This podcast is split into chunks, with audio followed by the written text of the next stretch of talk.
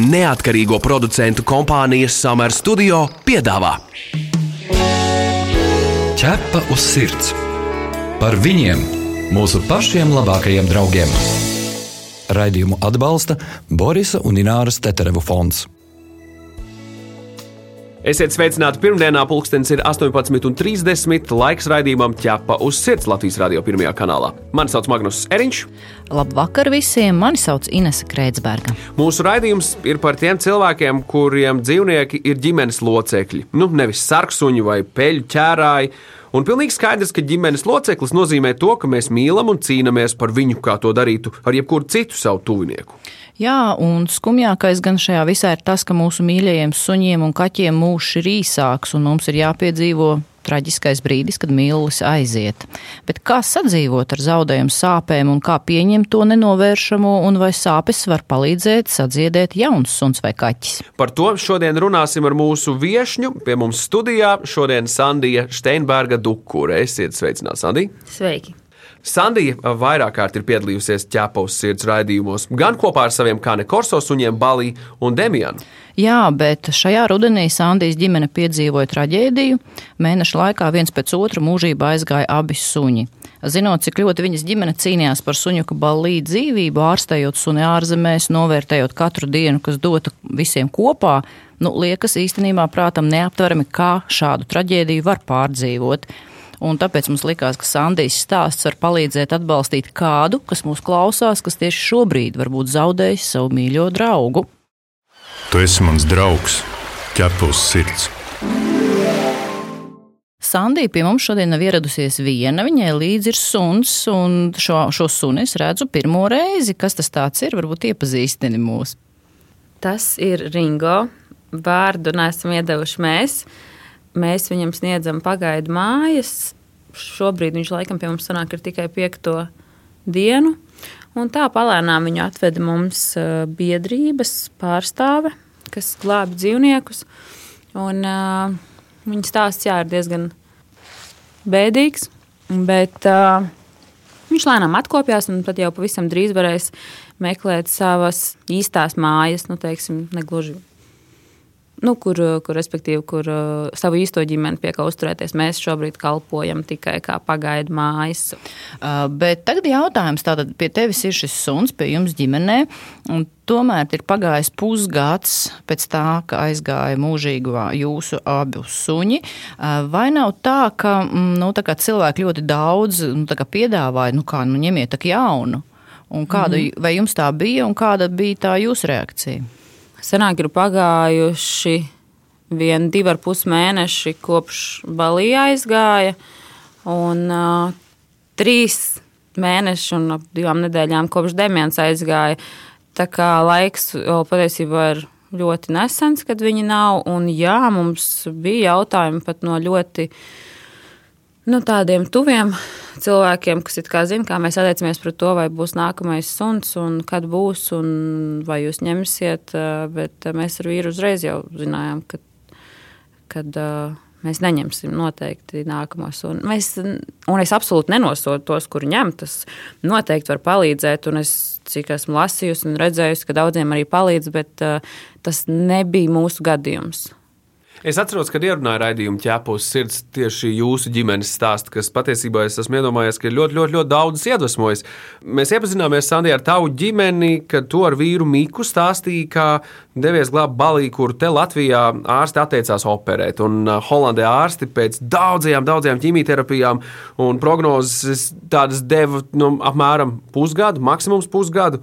Uh, jums bija kopā atvēlēti divi gadi, vai tā arī bija? Nu, ka jūs katru dienu uztvērāt kā jaunu, kas tika dota nu, dienu pēc dienas, dienu pēc dienas? Viennozīmīgi, jā, mums bija mazie milestone, mazie sasniegumi, kurus mēs svinējām. Mēs svinējām pilnīgi katru mēnesi, 4. datumu, kas bija pēdējā viņa uh, starošanas reize, kad mēs devāmies no Nīderlandes uz Latviju. Mēs burtiski svinējām dzīvi divu gadu garumā. Minimums reizes mēnesī. Katru vakaru es viņus lieku gulēt un stāstīju cik viņi ir stipri un veseli. Mums bija tāda kā mantra par īņķi. Katru rītu es cēlos, un pirmais, ko es darīju, gāju pie viņiem. Un, uh, daudziem jau droši vien ir tāda rituāla, bet viennozīmīgi. Un, jā, un tie bija divi gadi, jā.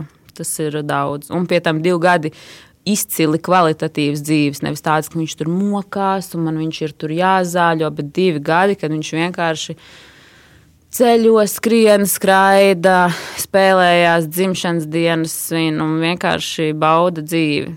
Pilnīgi kvalitatīvs divi gadi. Nu jā, un otrs suns Demians. Demiana aiziešana nu, tīri no tādiem pases datiem nu, nebūtu bijis pārsteigums, jo suņukam jau bija cienījamais vecums, mm -hmm. jo par netaisnību jāsaka tā, ka Kane Korso uh, suņiem raksturīgs salīdzinoši īsais mūža ilgums, kas patiesībā ir liela traģēdija saimniekiem, jo Es lasīju, ka Kane Korso mūža ilgums vidēji 9 gadi tikai ir, bet Demians sasniedzis jau bija 11. Mm -hmm, jā, viņam un, bija 11. Nu, re, un tad jautājums, kas tavuprāt palīdzēja viņam tik ilgi būt kopā ar jums, jo tā jau tāda īsta, tāda, nu, no simtgadnieka, pat 120 gadnieka dzīve. Mm, tam nav tāda izskaidrojuma tāpat kā Tur varētu teikt, tur, nu, mēs viņu labi barojām un ļoti mīlējām. Nu, mēs arī tāpat barojām Baliju un arī viņu ļoti mīlējām, bet viņam bija šis smadzeņu audzējs. Man liekas, ka nav tāda noslēpuma, tā ir vienkārši. Jā, nu, ka tie, ka, jā, tie ir viņa droši vien gēni no māmas un tēta. Kaut gan tu nekad to nevari tā simtprocentīgi pateikt, jo arī Balija bija tētis, kurš nodzīvoja 12 gadus. Pirmais korso, ko es jebkad ieraudzīju savā dzīvē, tas bija viņa tētis. Un, kā, tam nav atbildi. Man nav nejausmas, kāpēc. Bet man ir, man ir savs viedoklis, jo nu, tik daudz tie stāsti redzēti šo gadu laikā, un mēs esam redzējuši, ka nedziedināmi slimie un seniori dzīvnieki spēja nodzīvot daudz ilgāk nekā, teiksim, prognozes ir teikušas tikai un vienīgi pateicoties saimnieku mīlestībai, bet, bet ne tādai, kas žēlo un tā kā, nu, tā kā raud, bet tādai, kas reāli liek saņemties, nedomāt par bēdīgo, un to sajūt arī dzīvnieks. Tā kā viņam principā netiek dots variants, tev vienkārši jādzīvo turies nu, ar to pozitīvo. Un jūs tā darījāt. Nu, varbūt tas tāpēc arī tas kopā būšanas laiks bija daudz lielāks par spīti prognozēm, jo jums bija tomēr tas spars un tā nepadošanās. À, tas ir par Balī. Uh, jā, es to biju domājis par Demianu, kurš ir. Nu, arī. Bet es viņš vispār, jau tika visās aktivitātēs iesaistīts. Viņš viennozīmīgi tika, jā. Bet es vispār domāju un ticu tam, ka viņi gribēja ka tā bija lemts, viņi gribēja. Tā bija ieplānots viņiem aiziet reizē, jo Balī mēs ar vīru esam par to runājuši. Un, lai kā man gribētos teikt, ka Balī bija tikai septiņi gadi, un es tik ļoti gribētu, lai viņš nodzīvotu kā Demians līdz 11 gadiem, lai, lai arī es viņu mīlu tā, ka vairāk par visu, es viņu mīlu vairāk par cilvēkiem patiesībā sev apkārt, bet es viņam nenovēlētu šo mūžu šos gadus pavadīt bez Demiana. Jo Balī pavadīja piecas nedēļas, viņš aizgāja precīzi trešdienā, precīzi piecas nedēļas vēlāk pēc Demiana. Un redzēt šīs piecas nedēļas, ko viņš pavadīja bez brāļa, tas bija. Tu arī Instagram storijos rakstīji par to, ka tev bija pārliecība, ka tā notiks. Kāpēc tev tā likās?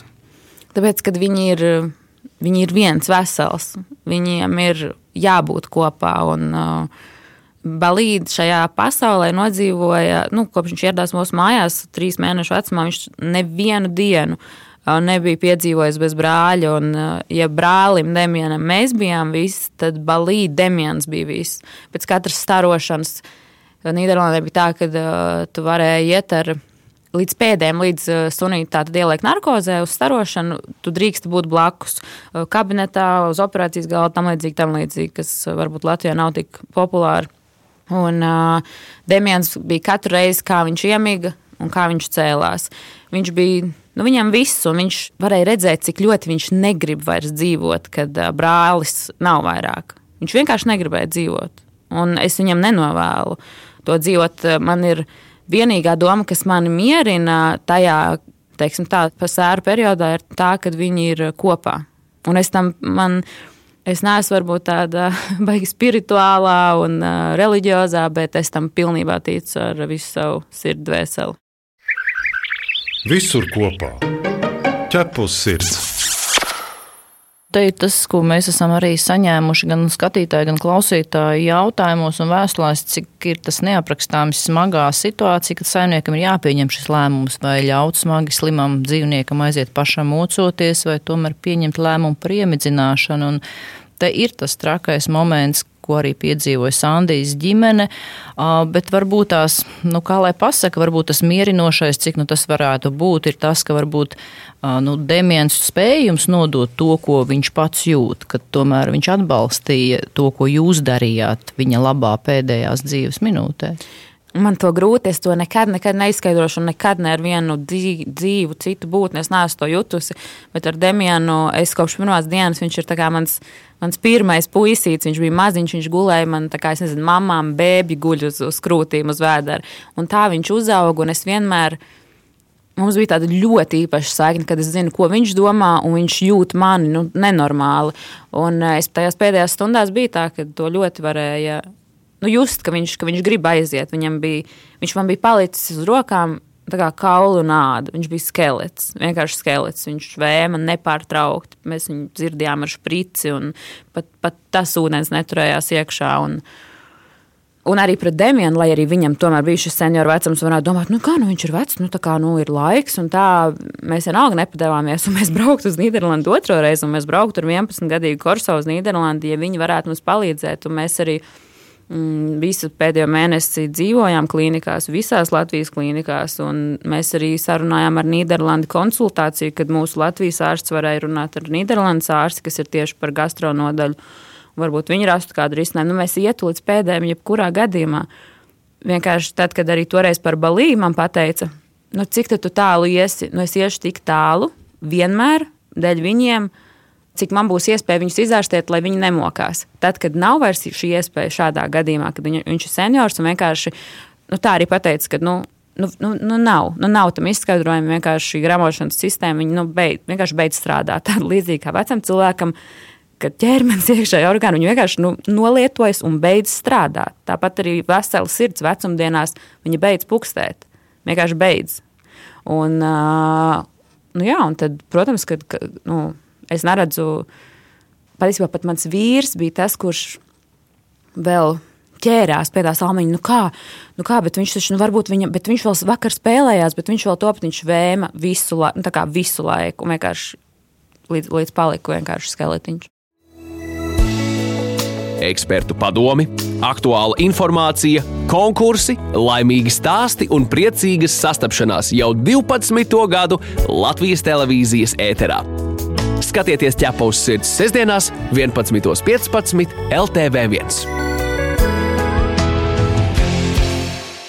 Arī šeit raidījumā ķēpus sirds mēs par to esam runājuši. Pie mums reiz bija eksperts, kas varēja izstāstīt par dzīvnieku apbedīšanu vai, vai kremēšanas iespējām. Kā bija jūsu ģimenē? Jūs zinājāt, kā rīkoties pēc tam? Un, protams, ka daudz saimnieku nonāk tādā situācijā, kur ir jāizvēlas nu, bedīt vai kremēt. Kā jūs rīkojāties? Mēs uh, kremējām, tad, kad jau viņa tā dzīves nogala tuvojās straujiem soļiem, es palūdzu vīram, lai viss būtu sakārtots. Respektīvi, lai tajā dienā, kad tas notiek, lai man nebūtu jāskatās googlē, tur kaut kas jāmeklē, lai es varu sēdēt un raudāt, līdz es atslēdzos. Un, uh, Līdz ar to man vajadzēja to plānu, un to plānu es arī nu, sastādījām. Pirms tam sazvanot uh, kremēšanas iestādi, kur piedāvāja mums iespējas. Tātad uh, viena iespēja ir, kad uh, viņi atbrauc mājās. Man šķiet, ka uh, konkrēti dzīvnieku kremēšanas tā iestāde pat veids eitanāziju, bet varbūt tas ļoti kļūdos par to. To es daļu nevaru komentēt, bet pēc tam viņi var atbraukt pie tevis mājās, paņemt. Uh, aizgājušo mīluli un vēst uz kremēšanu, vai arī tu pats to vari izdarīt, ieliekot viņu mašīnā, aizdot pie viņiem. Un, uh, un pēc tam tu saņem atpakaļ jā, urniņu. Tas viss notiek ļoti ātri. Konkrēti mēs abos gadījumos izvēlējāmies kremēt. Tas ir, mums ir ļoti konkrēts iemesls, kāpēc mēs to darījām, jo mums ir. Bet es to vēl ne, nestāstu. To zina tikai mana ģimene, un es arī to nestāstīšu šeit. Bet mēs drīz sociālos tīklos pastāstīsim, ko mēs ar šiem pelniem plānojam darīt. Viņa, viņu piemiņas nu, Vārdā. Kā, jā, viņu piemiņas vārdā. Uh, tādēļ bija tā kremēšanas iespēja, uh, iespēja, un tas notiek ļoti ātri. Mēs izvēlējāmies vest paši mašīnā, tāpēc, kad mums bija tāds, nu, vīrs gribēja. Mēs Demianu ielikām mašīnā, balīja bija bagāžniekā, nu, tā kā aizmugurē, kur, viņš, kur viņi parasti sēdēja kopā. Mēs izbraucām to pēdējo apli. Pa mūsu takām, kur, kur bija viņa ierastās pastaigas, pa viņu pļavām. Zinu, līdzīgi kā cilvēkiem ir tas pēdējais goda brauciens. Nu, tā mēs darījām gan ar vienu, gan ar otru. Aizvedām, un tad tur tu aizpildi dokumentus tātad šo ķermeni pārliek mašīnā. Un burtiski 24 stundu laikā es jau saņēmu savu urniņu, kas bija krietni septiņas reizes ātrāk kā ir ar cilvēku, kas man ļoti patika. Nu, kad tu, kad tu noslēdz to procesu, ka tu vari dabūt to urniņu un doties mājās ar viņu. Tā pašā laikā tie, kas strādā, nu, kas pārstāv šīs dzīvnieku apsēdes, mums likās ļoti emocionāli aizkustinoši tas, ka viņi teica, ka tieši, kad cilvēki zaudēt savus mīluļus, pārdzīvo visvairāk nekā bieži ejot uz bērēm pie kāda paziņas vai drauga, jo it sevišķi tie, kas zaudējuši savus suņus, jo tie m, dzīvnieku apsētas um, saimnieki, viņi saka, ka viņi redz, ka viņi, viņi glabā savus bērnus. Tieši tas bija tas, ko viņi teica, ka tas, tas emocionālais nav salīdzinājums. Tu esi mans draugs, ķepus sirds. Atgādinām, ka pie mums studijā šodien ir Sandija Steinberga Dukure, un mēs runājam par to, kā un vai vispār varam pārdzīvot mīluļa zaudējumu. Protams, ka šo radio pārēdi varēsiet dzirdēt arī podkāstu formā straumēšanas servisos, kā arī Latvijas radio arhīvā. Kā tie teiktu rīkoties tiem cilvēkiem, kas vēlas atbalstīt cilvēku, kurš ir nokļuvis šādā situācijā? Kas būtu tas Nu jā, pareiz, kas kas būtu pareizie vārdi? Jā? Man šķiet, ka nav pareizo vārdu, un man šķiet, ka nu, droši vien neprasīt, eh, kad jūs ņemsiet jaunu suni. Jo tā mums arī bija zils, kad, ah, nav vairs, ah, kad jūs, nu, tagad jaunu ņemsiet. Tas bija Bet tas jau nav domāts negatīvi. Tas nav! Da, ir daudziem Nē! cilvēkiem, kuri tic, ka mirušais dzīvnieks kā sargeņģelis atsūta vietnieku. Tā ir arī cita filozofija. Jā, ka ir. viennozīmīgi. Jūsu gadījumā tas izraisīja vienkārši nu, nesapratni. Bet tur bija vairāk tā, ka eh, tam nu, konkrēti tie cilvēki, kas jautāja, viņiem tas bija vienkārši tāds kā nākamais solis. Nu, kā viens bija, un tagad vairs nav, nu tad nu, tagad būs otrs. Tāpēc, ka cilvēki dažādi uztver tos. Jā, jā, dzīvniekus. un Tas... Vai, tiem, cil- vai tiem cilvēkiem bija bijuši mājdzīvnieki? cik es eh, sapratu, pirmais. Ah, nu, nu, jā. Notiek, un tad nav, Nu jā. nav varbūt šīs pieredzes, jā, un tā.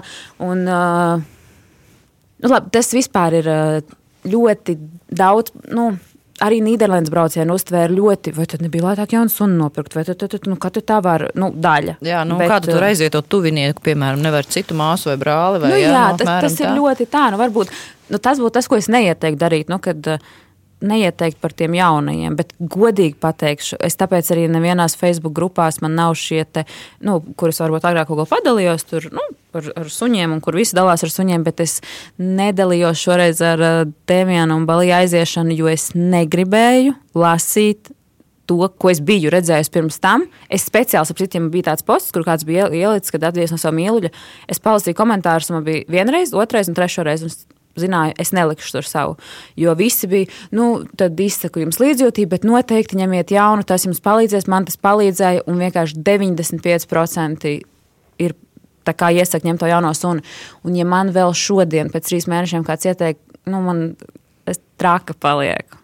Nē, bet tās tās emocijas, un tas jau ir normāli. Bet redziet, te ir tā otra lieta, ja, ka to sēru periodu var iespējams mazināt nevis tieši paņemot jaunu suni, bet paņemot līdzīgi kā jūs izdarījāt šo sunu uz pagaidu mājām. Jo psiholoģiski tas skaitās kā tāda emocionālā pārnese, ka tas dzīvnieks, kam jāpalīdz, ir cietis arī, varbūt pat vēl vairāk, un tad tu tā kā savas sāpes mazini, domājot par to otru, viņam kaut ko iedod. Vai tā varētu būt savā ziņā, nu, tā kā neliela psihoterapija? Jā, un nē. Jo pirmkārt, šis ir trešais suns, kas ir manā mājā kopš Dēmijas un Balīna. Pirmais uh, suns uh, bija no ģimenes, kurš aug ļoti mīlošā ģimenē un joprojām aug mīlošā ģimenē. Vienkārši teiksim, tā, mēs izpalīdzējām pieskatīt viņu uz Ziemassvētkiem un Jauno gadu. Un šis suns bija šā, viņš ir tik līdzīgs Balī manam. Un uh, tie bija mūsu pirmie Ziemassvētki, mūsu pirmais jaunais gads ar vīru bez, uh, bez puikām. Un, uh, un tas bija kosmos, cik ļoti palīdzoši bija tas, kad mājās bija tas suns, kurš vēl ir tik ļoti, ļoti līdzīgs uh, Balī. Un uh, tā kā Ziemassvētki mums pagāja krietni jaukāk, kā varēja būt pilnībā vieniem. Otrais suns bija, ko es nu, arī teiks, nu, izglābu un uh, atradu jaunas mājas, kas bija ļoti īsa perioda pie manis. Kas arī bija forši, bet tiešām ar īsu periodu, domāju, dienu. Tā kā burtiski dienu. Un konkrēti šis sunīts ir uh, tātad piekto dienu un būs vēl kaut kāda laba laika, līdz viņš meklēs to jauno ģimeni. Un es teiktu, ka visas trīs pieredzes bija ļoti dažādas.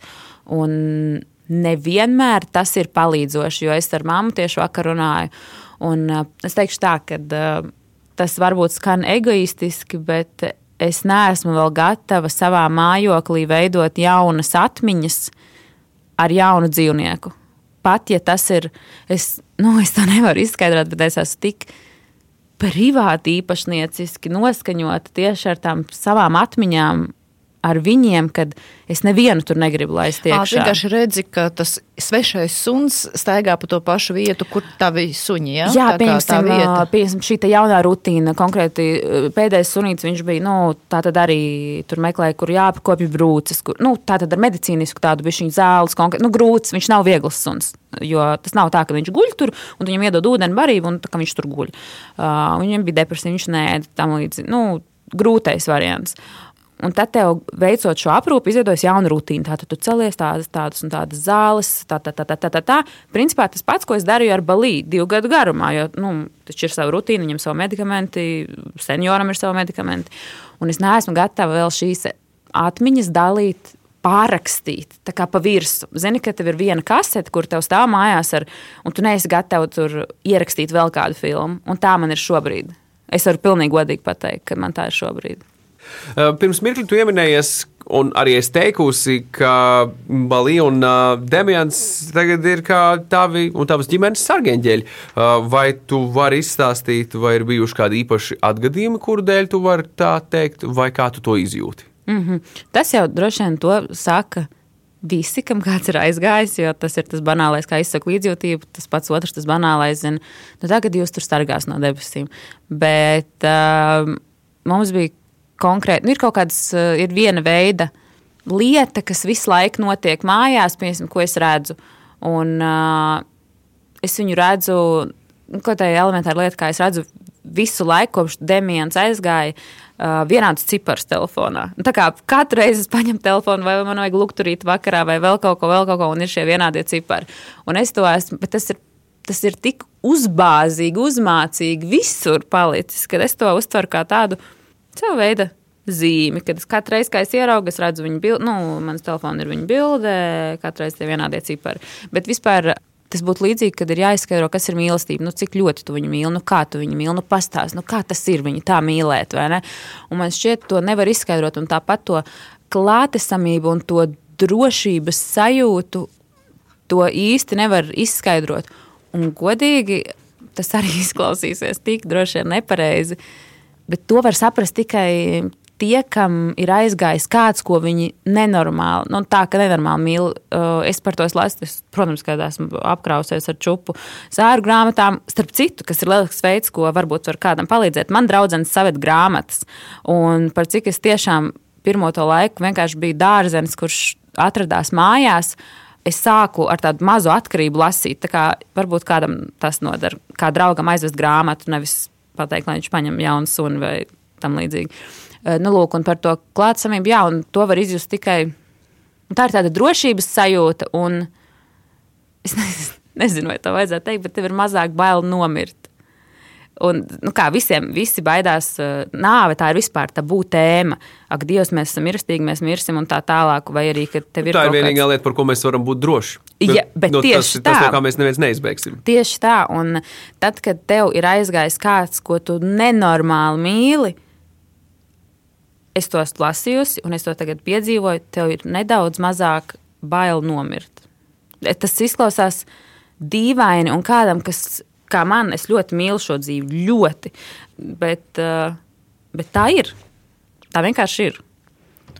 Un tad, kad tev samazinās šīs bailes, tu dzīvo pilnvērtīgāk, starp citu. Kaut gan jums jau nu galīgi ne, nav bijis nekad raksturīgi dzīvot, atliekot. Jā, bet uh, pēc Vēl mēs- vairāk, jā, vēl Bet, intensīvāk. piemēram, par tādām pašām trauksmēm vai bailēm. Vienalga no kā. Jā, vēl intensīvāk, vai kaut kas no kā tu iepriekš esi baidies, tev vairs nav bail, jo es, es nemāku to izskaidrot. Tiešām man ļoti grūti to izskaidrot. Kaut vai arī varbūt nevajag Jā, izskaidrot. tieši tā. Līdzīgi kā mīlestība. Bet, nu, noslēdzot šo mūsu sarunu, es vēl gribēju tā, nu, tādu atstarpīti, jo re- mīluļu zaudējums ir tas, kas sadala tomēr cilvēks divās daļās. Nu, tad divu, divu tipu cilvēki, jā, tad viena daļa ņem citu, varbūt pat citas šķirnes, lai ātrāk pārdzīvotu zaudējumu, jo māja bez dzīvniekiem taču liekas augsta un tukša, tas, pa ko tu runāji, tie cilvēki, kas iesaka. Bet otra daļa cilvēku saka, nekad vairs negribēs dzīvnieku, dzīvnieku, jo neviens nebūs tāds kā aizgājušais, un tās sāpes vairs negribam piedzīvot. Bet kā tev liekas, kā būs ar tevi? Starp citu, mans milzīgākais pārsteigums šajā tēmā bija mūsu vetārsts no Nīderlandes. Viņš man padalījās ar savu, citu, kas bija ļoti mīļi. Arī viņa atsūtīja kartiņas un garus ēpastus ar līdzpārdzīvojumiem. Un, un šis vetārsts viņam ir vairāk kā 20 gadu pieredze. Viņš strādā kā galvenais onkologs. Tātad, respektīvi, tā mirstības uh, ir nu, krietni lielāka viņa pieredzē, kā varbūt parastam terapeitam. Un, uh, tas ir viens no ārstiem, kuru es cienu ar visu savu sirdi un dvēseli. Un vienā no pēdējiem epistiem, ar kuriem mēs samainījāmies, viņš man stāstīja par to, kā es jūtos, nu, cik, kad es nezinu, kā es dzīvošu vispār, kad man nav ne jausmas, man nav vēlmes pat dzīvot tālāk. Un viņš man atrakstīja to, ka desmit gadus atpakaļ viņam aizgāja viņa sunīte. Un par šiem desmit gadiem strādājot kā vetārsts, viņam joprojām nav viņa dzīvnieka. Un pēc desmit gadiem viņš vēl dzird. Uh, viņš saka, es dažreiz dzirdu viņas kakla siksniņu, kad citās pret bludiņu, kad viņa dzēra. Viņš saka, ka viņam ir divi bērni, sieva, burvīga ģimene, fantastisks cilvēks. Vienkārši tik ļoti viņu cienu. Un es pat bez suņiem zinu, kad mēs ar vīru aizbrauksim kādreiz uz to klīniku. Vienkārši, vienkārši aizbrauksim pie tiem cilvēkiem, jo es ļoti cienu visus, kas, kas mums tur palīdzēja. Un tas bija man milzīgs pārsteigums. Es izlasīju to e-pastu un es domāju, wow, desmit gadi vetārs, kurš ikdienā tas ir. Nu, Mēs esam pieraduši redzēt, ka vetāri ir apauguši ar dzīvniekiem un, un, un, un nu, savādāk. Bet nē, viņš, viņš tā nav. Un kā būs ar mani? Es zinu, vienu es zinu, kad mans vīrs nevēlas mm, jaunu iemītnieku. Viņš to pateica uzreiz un simtprocentīgi. Un es gribēju, kaut kā man, man bija tādas viņa veida domas, gribēju, negribēju, gribēju, negribēju. Bet tagad, saprotot, eh, piemēram, tagad vei, ar šīm rūpēm par pagaidu mājas dzīvnieku, es saprotu, ka es neesmu gatava pārrakstīt šīs atmiņas vēl.